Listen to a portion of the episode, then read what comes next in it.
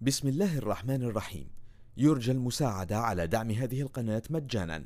وتثبيت المتصفح برايف متصفح مجاني آمن مدمج بحجب الإعلانات. وشبكة خفية تور وتورنت. جزاكم الله خيرا.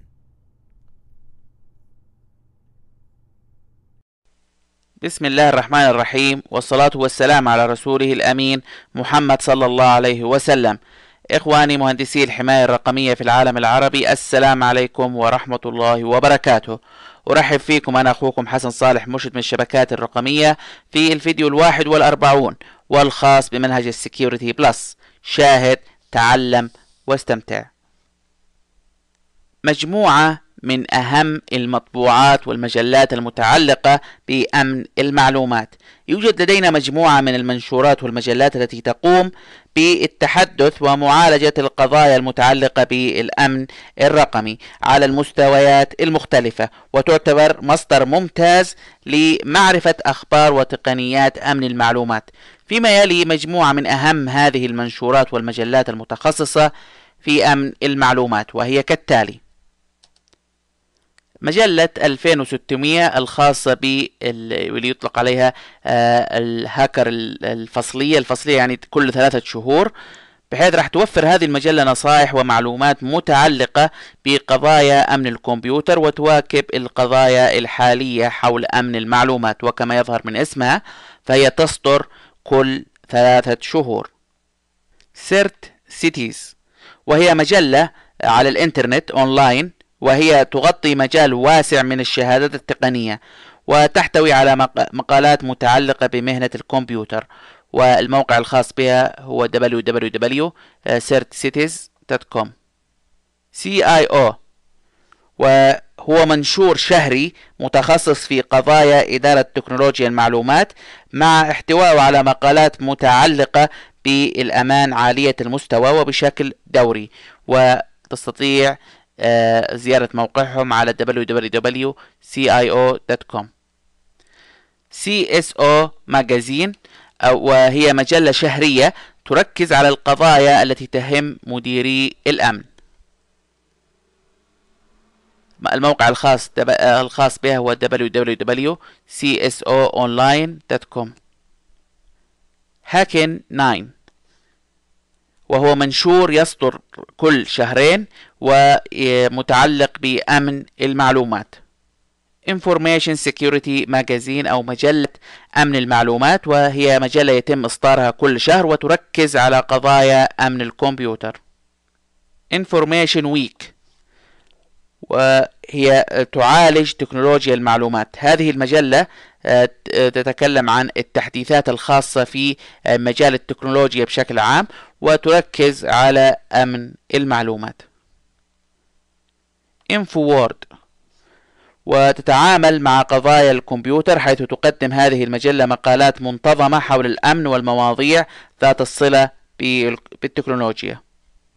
كانت هذه مجموعة من أهم المجلات والمنشورات والمواقع التي تقدم مقالات ومعلومات أمنية بشكل منتظم ومواكبة لكل ما هو جديد وإذا كنت متخصص في أمن المعلومات فاشتراكك ومتابعتك لها سوف تزيد من معرفتك وجعلك متابع لكل ما هو جديد ومتعلق بالأمن الرقمي. تنظيم الخصوصية والأمان تم إصدار عدد من القوانين المساعدة في ضمان عدم الكشف عن المعلومات لأطراف غير مصرح بها. هنا سوف نتكلم عن عدد من هذه القوانين واللوائح كنظرة عامة مختصرة وبصفتك متخصص في مجال الأمن الإلكتروني فيجب عليك البقاء متابع لهذه القوانين والتحديثات التي تحدث فيها. عندنا ال HIPAA واللي هي قانون التأمين الصحي وقابلية التأمين. وهي لائحة تقوم بفرض معايير وإجراءات لتخزين واستخدام ونقل المعلومات الطبية الشخصية. وقد ظهر عام 1996 وقد قام هذا القانون بتغيير في عملية حفظ سجلات الرعاية الصحية. يقوم هذا القانون بتغطية ثلاثة مجالات تتمثل في السرية والخصوصية وأمان سجلات المرضى. وعلى الجهات الأمنية تعيين ضابط أمن لحماية معلومات المرضى. والعقوبات المفروضة على انتهاكات قانون التأمين الصحي صارمة جدا. ومن الممكن أن تصل إلى 250 ألف دولار في حال تسريب معلومات خاصة بالمرضى. قانون جرام ليتش آه، بليلي ويطلق عليه أيضا قانون التحديث المالي وهو قانون خاص بالمؤسسات المالية التي تحظر على البنوك الإفصاح عن معلومات العملاء لطرف ثالث بدون إذن قضائي وعليهم إخبار عملائهم بأنهم المسؤولين عن توفير الخصوصية لمعلوماتهم. وكذلك يحظر القانون على المؤسسات مشاركة معلومات العملاء لأغراض تسويقية وتم تنفيذ القانون عام 2001 وفي حال حصول انتهاك فسوف يتعرض الموظفين الماليين ومجلس الإدارة راح يتعرضوا للمسؤولية الجنائية عن الانتهاكات. قانون الاحتيال وإساءة استخدام الكمبيوتر. وتم إدخاله في عام 1986 وتم تطويره في العام 1994 وكذلك في عام 1996 وفي عام 2001 يمنح هذا القانون السلطات الفيدرالية في المقام الأول ال FIB لمحاكمة المخترقين حيث يهدف القانون في المقام الأول إلى حماية الحكومة ونظم الكمبيوتر المالية من أن يتم اقتحامها واختراقها وإذا تم استخدام سيرفر أو كمبيوتر أو نظام لتنفيذ عملية الاختراق فكل المتورطين المباشرين وكل من يظهر لهم معرفة بالجريمة أو جزء منها فسوف يتم محاكمتهم. هذا القانون شامل لكل أنواع الجرائم الإلكترونية ويسمح بتنفيذ عقوبات صارمة سواء كغرامات مالية أو فترات سجن تصل إلى عشرة سنوات. ال FERPA واللي هو قانون الخصوصية والحقوق التعليمية للأسرة وهو قانون موجه للمؤسسات التعليمية حيث لا يجوز للمؤسسة التعليمية مثل المدارس الإفصاح عن معلومات الطالب إلى أي جهة من غير موافقة الطالب وإذا كان هذا الطالب قاصر فلا بد من موافقة ولي أمر الطالب. مما يقدم خصوصية لسجلات الطلاب وفي حال حصول انتهاكات فسوف تتعرض المدرسة لمشاكل قانونية. قانون أمن الكمبيوتر وهو قانون يطلب من الوكالات الفيدرالية تحديد وحماية أنظمة الكمبيوتر التي تحتوي على معلومات حساسة وجميع الوكالات الحكومية يجب عليها الالتزام بهذا القانون. ال CESA وهو قانون آه، خاص بالأمن الإلكتروني وهو يعطي القانون الحق في الوصول إلى مفاتيح التشفير وفك التشفير طبعا تحت طائلة القانون مما سمح للوكالات الحكومية من الاستخدام السري للرصد واستخدام معدات الالتقاط الإلكتروني وغيرها من التقنيات للوصول إلى المعلومات والحصول على هذه المعلومات وذلك في عمليات التحقيقات الجنائية. قانون تعزيز الأمن الإلكتروني وهو ظهر في عام 2002 وهو يسمح للوكالات الفيدرالية وجهات التحقيق للوصول إلى مقدمي خدمة الإنترنت وغيرها من مرافق نقل البيانات لمراقبة الاتصالات من الأفراد المشتبه في ارتكابهم للجرائم الإلكترونية التي تتم باستخدام الإنترنت. قانون آه، باتريوت وهو قانون لمحاربة قضايا الإرهاب المتعلقة بتقنية المعلومات.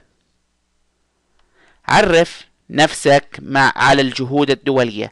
تقوم العديد من الحكومات وخاصة الاتحاد الأوروبي ودول الثمانية والإنتربول والحكومات الحكومة الأمريكية بتقييم قوانينها المتعلقة بالإرهاب, بالإرهاب الإلكتروني والجريمة الإلكترونية. وهذه القوانين في هذا المجال تزداد صرامة مع مرور السنوات. إذا كنت متخصص أمن معلومات فينبغي لك معرفة ومتابعة هذه الجهود والتحركات الدولية في مجال أمن المعلومات ومكافحة الجرائم الإلكترونية. آه هذا الفصل يحتوي على عدد من السيناريوهات الواقعية اللي هي عبارة عن قصص حصلت وهي مرتبطة بمواضيع هذا الفصل. راح ناخذ آه فعليا ثلاثة سيناريوهات. نبدأ مع السيناريو الأول اللي هو بيع أجهزة الكمبيوتر القديمة الخاصة بك. كان هناك شركة كبيرة قررت في الآونة الأخيرة إلى أن تغلق أبوابها والخروج من العمل وبالتالي قامت بجرد واسع من معدات الكمبيوتر والبرامج المرخصة ولكي آه، يكتمل استمرارها في الخروج من العمل. وذلك راح يتم من خلال بيع أجهزة الكمبيوتر حيث قامت الشركة بحذف المعلومات الحساسة من الأنظمة التشغيل وقامت الشركة بجعل أنظمة التشغيل مثبتة على أجهزة الكمبيوتر وقامت الشركة بالإعلان عن عملية البيع. وبعد ذلك استقبلت الشركة رسالة قانونية من الشركة المبرمجة لنظام التشغيل حيث أخبرت الشركة أنها انتهكت اتفاقية ترخيص المستخدم النهائي اللي هي ال EULA وذلك لأن الاتفاقية تنص على أن لا يتم بيع نظام التشغيل وهو موجود في داخل الكمبيوتر وإنما يجب إزالة أنظمة التشغيل من على أجهزة الكمبيوتر وبيع أنظمة التشغيل بشكل منفصل. وبالتالي أثناء عمليات البيع تأكد من أنك قرأت اتفاقية الاتفاقية الخاصة بالشراء وبأنك تقوم بعمليات البيع بما يتوافق مع هذه الاتفاقية لكي لا تتعرض لمشاكل قانونية. دائما فكر بالواضح. مصنع كبير فقد ما قيمته مليون دولار من معدات الكمبيوتر حيث لم تتمكن آه، من العثور عليها وتم اكتشاف ذلك عند إجراء التدقيق. هذه الخسارة تسببت في ذعر كبير للمنظمة وذلك لأن المعدات كانت جزء من مشروع حكومي والحكومة أرادت أن تعرف أين ذهبت هذه الأجهزة. بعد ذلك تبين أن المعدات قد تم نقلها وتخزينها ولسوء الحظ لم يتم إدخال نقل المعدات في النظام. وكانت المعدات في غير محلها وكان على الشركة أن تبحث في كل مساحة في مستودعاتها الواسعة من أجل العثور عليها وأخيرا وجدتها. ولكن للأسف تسبب ذلك في قلق وعدم ثقة العميل المتمثل في الحكومة الأمريكية لأن الشركة في البداية لم تكن قادرة على تحديد موقع هذه المعدات في مستودعها مما دفع الحكومة إلى استبدال الشركة إلى شركة أخرى. عالم المراقبة. أنت كنت تقوم بمراقبة أنشطة المستخدمين في شركتك وأنت اعترضت عن غير قصد رسالة بريد إلكتروني عن النظام. تشير إلى أن أحد الموظفين الرئيسيين لديه مشكلة مخدرات وهو في برنامج آه، للعلاج. فماذا يجب أن تفعل مع هذه المعلومات؟ هذا يعتبر موقف صعب وستجد نفسك في ظروف مشابهة بكثرة وغالبا حصولك على هذه المعلومات راح يكون عن طريق الصدفة والتي هي محرجة وحساسة وهنا قد يكون مطلوب منك الإبلاغ عن ذلك للإدارة كونها تحتوي على سياسة أو تملك سياسة فحص و آه، توجب خلو الموظفين من المخدرات أو قد لا يوجد سياسة بذلك. لذلك قبل اتخاذك لموقف يجب عليك مناقشة الوضع مع إدارة الموارد البشرية الخاصة بالشركة. كذلك هناك دائما نقطة مهمة على مسؤولي الحماية تبليغها للموظفين وهي أن جميع الأجهزة الخاصة بالعمل وكذلك البريد الإلكتروني الخاص بالعمل هو يخضع للمراقبة وللتدقيق. فبالتالي لا يوجد شيء شخصي يعني ما ينفع أنه يتبادلوا آه، آه، أن يستخدموا الأجهزة في آه، أعمال شخصية وأن يتم إرسال البريد الإلكتروني برسائل شخصية. فهي كلها تحت المراقبة ولا يوجد ما يعرف بالخصوصية لأنها المفروض انها هي تابعة لجهة العمل وأن يتم استخدامها فقط لأجل العمل. العالم الواسع للمجموعات. واحدة من مسؤولي أو واحد من مسؤولي النظام في مكتبك يقضي إجازة الإبوة وعادة هو الوحيد المسموح له الوصول إلى بعض الملفات وتشغيل التقارير الرئيسية. ونحن نحتاج إلى إعطاء الأذونات إلى محاسب لتشغيل هذه التقارير. فكيف يجب عليك تعيين الأذونات اللازمة للمحاسب؟ هناك طريقتين لهذا السيناريو. الطريقة الأولى عليك تجنبها والطريقة الثانية هي التي يجب عليك اتخاذها. الطريقة الأولى وهي أن يتم تعيين الأذونات اللازمة لتش... لتشغيل التقارير. هذه الطريقة لا يوصي بها وذلك لأن عدد الملفات كثيرة وهناك دائما احتمال بأن هناك ملف أو أكثر قد يتم عدم إضافته أو أخطاء في الأذونات الطريقة الثانية وهي التي ينصح بها وهي أن يتم إنشاء مجموعة باسم تقارير ويتم إعطائها الحد الأدنى من الأذونات اللازمة لتشغيل هذه التقارير ويتم إضافة المحاسب إلى داخل مجموعة التقارير. وعندما يعود المسؤول من إجازته يتم إزالة المستخدم من داخل مجموعة التقارير. عندي الجروبز أو الجروبات اللي موجودة في داخل أنظمة التشغيل فائدتها ان لما يكون عندي إعداد موحد آه، على جميع على مجموعة من الأجهزة أو على مجموعة من المستخدمين أو على مجموعة من الملفات فبدل ما أقوم بعمل هذا الإعداد على مستوى كل جهاز أو على مستوى كل ملف أو على مستوى كل مستخدم أقوم بإنشاء مجموعة وأضم فيها هذه الأجهزة المشتركة من ناحية الإعداد وأقوم بتنفيذ الإعداد مرة واحدة فقط. فنظام الجروبات أو المجموعات بيسهل كثير في عملية إدارة الشبكة. أسئلة مراجعة الفصل التاسع الإدارة الأمنية. نبدأ مع السؤال الأول. أي من التالي السياسة التي تشمل جميع جوانب أمن المؤسسة؟ الجواب اللي هو الخيار إيه؟ اللي هي Security Management Policy. السؤال الثاني مساعدك في مراجعة السياسة للتأكد من أن الشركة تملك جميع السياسات التي ينبغي أن تملكها؟ واحد من مسؤولي الشبكة التابعين لك ذكر أنه لم يرى أبدا أي تفاصيل معلومات حساسة والاستخد... وكذلك متعلقة بالاستخدام فما هي السياسة التي تغطي هذا الموضوع؟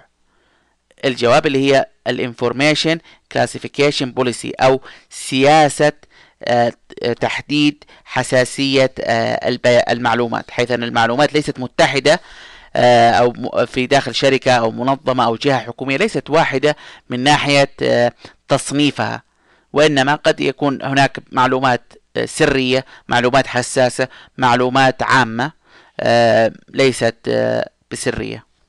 وهكذا. السؤال الثالث ما هي السياسة التي تحدد البرامج ومكونات الأجهزة التي يمكن استخدامها في المؤسسة؟ الجواب هي الخيار B اللي هو ال configuration management policy السؤال الرابع أي مما يلي ينطوي على الاحتفاظ بسجلات حول كيفية تغيير الشبكة والمؤسسة مع مرور الوقت؟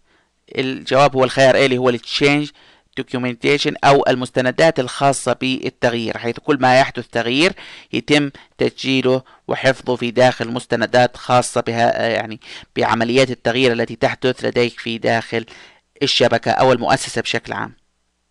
السؤال الخامس عملية التأكد من أن جميع السياسات والإجراءات واستيفاء المعايير فأي من العمليات التالية هي عملية الخيار بي اللي هو التطبيق. إنك أنت تتأكد إنه يتم تطبيق هذه السياسة وإنه في عقوبات لمن آه، يعني لا يقوم بالالتزام بها. السؤال السادس تقوم ميركوري للخدمات التقنية بصياغة مجموعة من الإرشادات التي تحدد مكونات الإدارة الأمنية الفعالة. وبعد أن يتم آه، اختبارها في فرع أندرسون سيتم نشرها على جميع الفروع الأخرى. فما الذي يطلق على مجموعة المبادئ التوجيهية؟ الجواب اللي هو آه، الخيار A اللي هو أفضل الممارسات. السؤال السابع أي من التالي السياسة التي تحدد الملفات والبيانات التي يجب أرشفتها. الخيار دي اللي هو اللي هي سياسة الاحتفاظ بالمعلومات. السؤال الثامن ما هي السياسة التي تحدد متطلبات النظام والترقية؟ الجواب هو الخيار A اللي هي آه، سياسة أو السياسة الخاصة بإدارة الإعدادات. السؤال التاسع يتم مراجعة السياسة والرئيس الجديد للموارد البشرية. يريد إظهار أن هناك سياسة لكل جانب من جوانب تكنولوجيا المعلومات وقمت بتعيين المعلومات التي قام بطلبها. فما هي السياسة التي تشير للعمليات المستخدمة لإنشاء نسخ من سجلات الأرشفة؟ الجواب اللي هي ال backup policy أو سياسة النسخ الاحتياطي. السؤال العاشر ما هو من التالي الموضوع الذي عادة لا يتم تغطيته في برنامج الوعي الأمني الموجه للمستخدم؟ الجواب اللي هو الخيار C اللي هو ال network technology أو تقنية تقنية الشبكة والإدارة الخاصة بالشبكة. الخيار C. السؤال الحادي عشر أنت موظف جديد في SMT وتمثل إحدى مسؤولياتك الوظيفية. هي في توفير دورات تدريبية شهرية حول موضوعات الأمان على آه، آه، طبعا وفي آه، وعلى ميعاد الغداء وتريد إعطاء الأولوية للعروض التقديمية وجعلها أولا والأكثر أهمية. فما هي المجموعة الأكثر استفادة من جلسة إعلامية عامة حول التهديدات والقضايا الأمنية؟ الجواب هو الخيار A اللي هو المانجمنت أو الإدارة. السؤال الثاني عشر. بفضل منحة من إحدى المنح ستتمكن الآن من استبدال جميع محطات العمل القديمة بأحدث الموديلات والكثير من محطات العمل سوف تأتي بمكتب العمل. فأيا مما يلي يجب أن يحدث عندما يصبح نظام الكمبيوتر آه، موجود؟ الجواب هو عندي الخيار بي اللي هو أن الأقراص الصلبة يجب آه، تهيئتها. عمل تهيئة للأقراص الصلبة لكي تكون قابلة للاستخدام. السؤال الثالث عشر كلمة السر المستندة على BIOS عادة ماذا يحدث ليتم فقدان كلمات السر على محطة العمل؟ الجواب هو الخيار C إنه يتم إزالة بطارية الكمبيوتر الموجودة على اللوحة الأم اللي يسموها بطارية BIOS أو CMOS واستبدالها السؤال الرابع عشر ما هو نوع السياسة التي يجب أن تقوم بتحديد استخدام أجهزة ال USB الجواب هي سياسة الاستخدام المقبول اللي هو الموجودة في الخيار دي السؤال الخامس عشر. أنت مهتم بتبسيط إدارة الأمان على موقعك فهي من أبسط طرق الإدارة آه، أو طرق أبسط طرق لإدارة المستخدمين هي عن طريق تعيينهم إلى أي من الكيانات التالية. هي عن طريق أن أنا أوزعهم على جروبات مجموعات. السؤال السادس عشر أي من أذونات التعليق التالية للمستخدمين والمجموعات مثل للقراءة فقط أو أو التحكم الكامل أو التغيير؟ اللي هو الخيار B اللي هي ال access control list أو قوائم التحكم بالوصول. السؤال السابع عشر إذا أردت أن تحكم بعناية من يمكنه إعادة تعيين كلمة السر لل user object أي من الأذونات التالية يجب التركيز عليها؟ الجواب اللي هو ال domain password الخيار C السؤال الثامن عشر أي مما يلي هو الأكثر تشابه من حيث محتوى الشهادات؟ الجواب اللي هو ال logging أو ال logical token. الخيار D السؤال التاسع عشر أي مما يلي يسمح لك بتنفيذ القيود تلقائيا على مكونات نظام التشغيل؟ الجواب اللي هو الخيار A ال group policies أو سياسات المجموعة. السؤال العشرون آه، ما هو نوع السياسات التي يجب أن تحدد استخدام الهواتف المحمولة؟ الخيار D اللي هي سياسة الاستخدام المقبول. الفصل العاشر والخاص بقاموس المصطلحات. رح ناخذ في هذا الفصل مجموعة من آه، المصطلحات اللي تم دراستها في منهج ال Security Plus ورح ناخذ عليها تعاريف سريعة.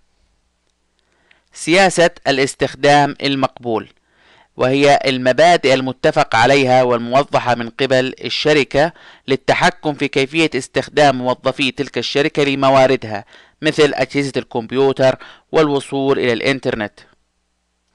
هجمة الوصول وهو هجوم يهدف إلى الوصول إلى الموارد.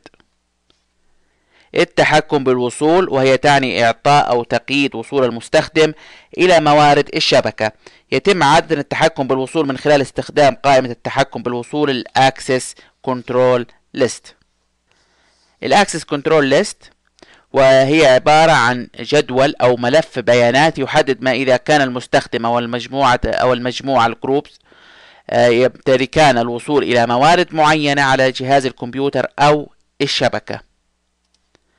ال access point نقطة الوصول وهي النقطة التي يتم عندها الوصول إلى الشبكة.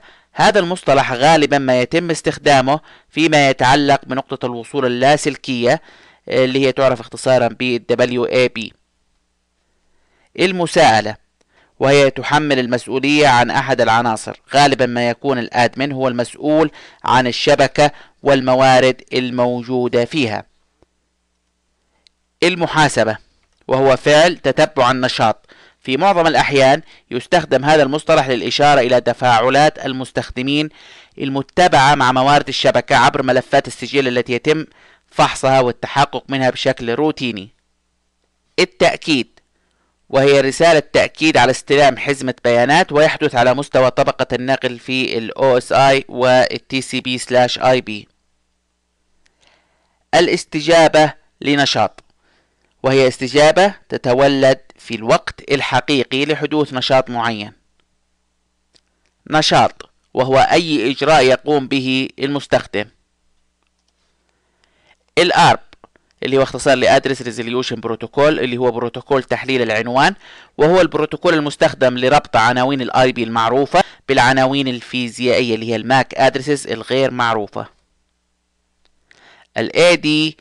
ال ADIDS نظام كشف التسلل للكشف عن ما هو آه، آه، يعني يعني يعتبر شاذ في داخل الشبكة. يعمل ال ADIDS من خلال البحث عن الانحرافات في نمط حركة مرور الشبكة العادية. السياسات الإدارية وهي مجموعة من القواعد التي تحكم الاستخدام الإداري للنظام. المسؤول اللي هو ال administrator. وهو يعتبر المستخدم المسؤول والذي يقوم بعملية المحاسبة في داخل الشبكة. ال AES اللي هي اختصار لمعيار التشفير المتقدم وهو عبارة عن بروتوكول تشفير ويعتبر منشور ال FIPS الذي يحدد تشفير خوارزمية أو خوارزمية تشفير الاستخدام من قبل الحكومة الأمريكية. الادوير وهي البرمجيات التي تقوم بجمع المعلومات لتمريرها إلى جهات التسويق أو للاعتراض على البيانات الشخصية مثل آه، أرقام بطاقات الائتمان وجعلها متاحة آه، لأطراف ثالثة. ال AES 256 وهو معيار التشفير المتقدم على وهو التشفير الذي يستخدم تشفير بحجم 256 بت. آه، أو إنذار وهو إشعار بوجود ما هو غير معتاد ويجب التحقق منه. الجوريثم أو الخوارزمية وهي سلسلة خطوات وصيغ وعمليات متتابعة للتوصل إلى نتيجة. Analyzer أو تحليل والمكون أو العملية التي تحلل البيانات التي يتم جمعها من قبل جهاز الاستشعار. مصادقة مجهولة وهي المصادقة التي لا تتطلب من المستخدم تقديم اسم مستخدم وكلمة سر أو أي تعريف آخر قبل الوصول إلى الموارد أي أنه لا وجود لعملية مصادقة. انتي فايروس برنامج مكافح الفيروسات. وهو البرنامج الذي يحدد وجود فيروس وهو قادر على إزالة الفيروس أو عزله. محرك مكافح الفيروسات وهو نواة البرنامج الذي يدير عملية فحص الفيروسات. Appliance جهاز وهو جهاز قائم بذاته ويعمل بطريقة مكتفية ذاتيا إلى حد كبير.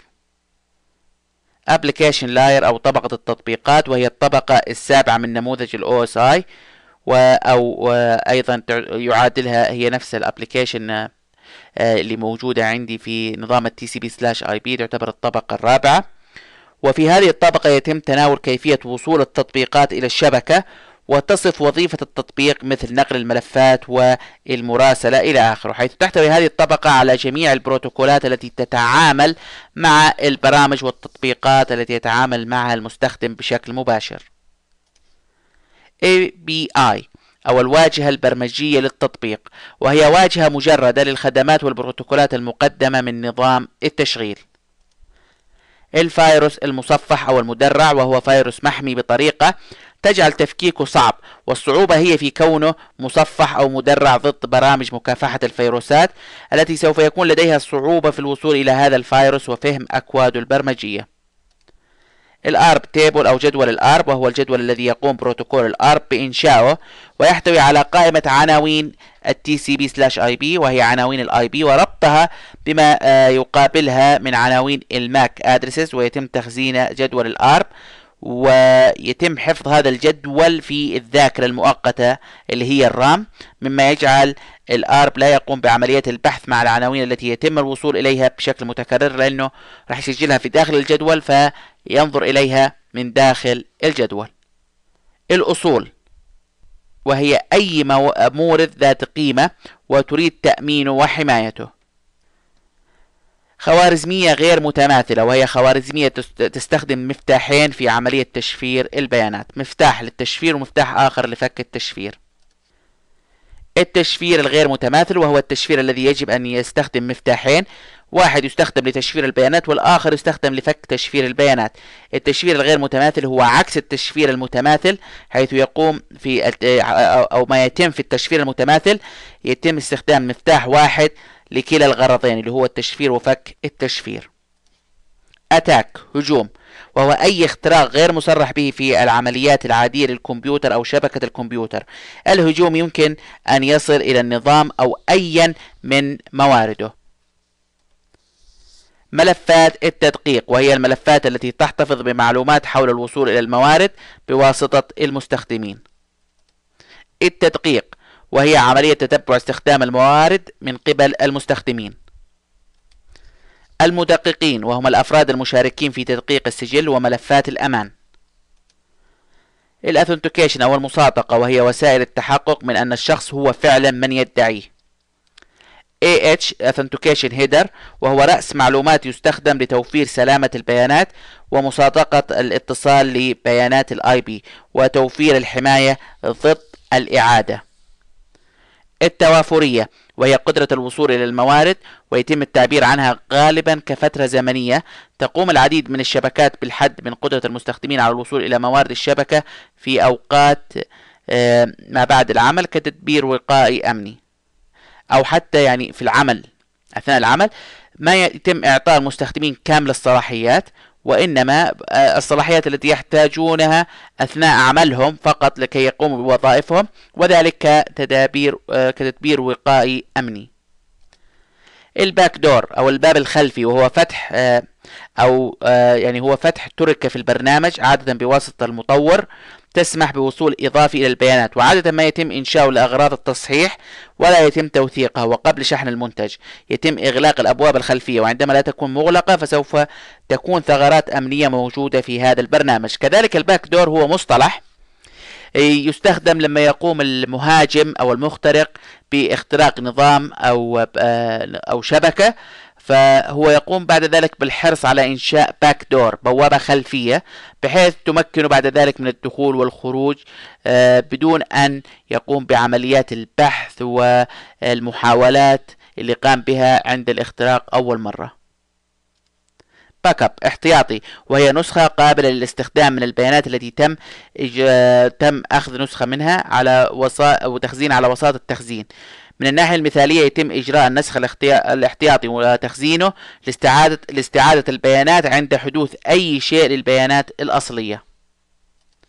ال backup plan أو الخطة الاحتياطية وهي خطة كمستند تحكم حالات النسخ الاحتياطي.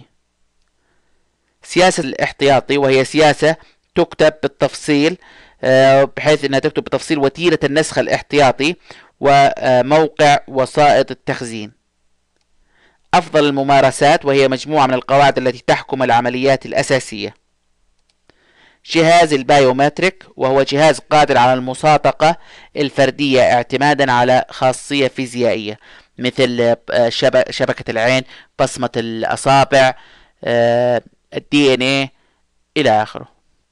إلى هنا نكون وصلنا إلى نهاية هذا الفيديو واللي أتمنى من الله سبحانه وتعالى أن يكون قد نال على إعجابكم واستحسانكم. كان معكم حسن مرشد من الشبكات الرقمية. والسلام عليكم ورحمة الله وبركاته. بسم الله الرحمن الرحيم. يرجى المساعدة على دعم هذه القناة مجانا. وتثبيت المتصفح برايف متصفح مجاني آمن مدمج بحجب الإعلانات. وشبكة خفية تور وتورنت. جزاكم الله خيرا.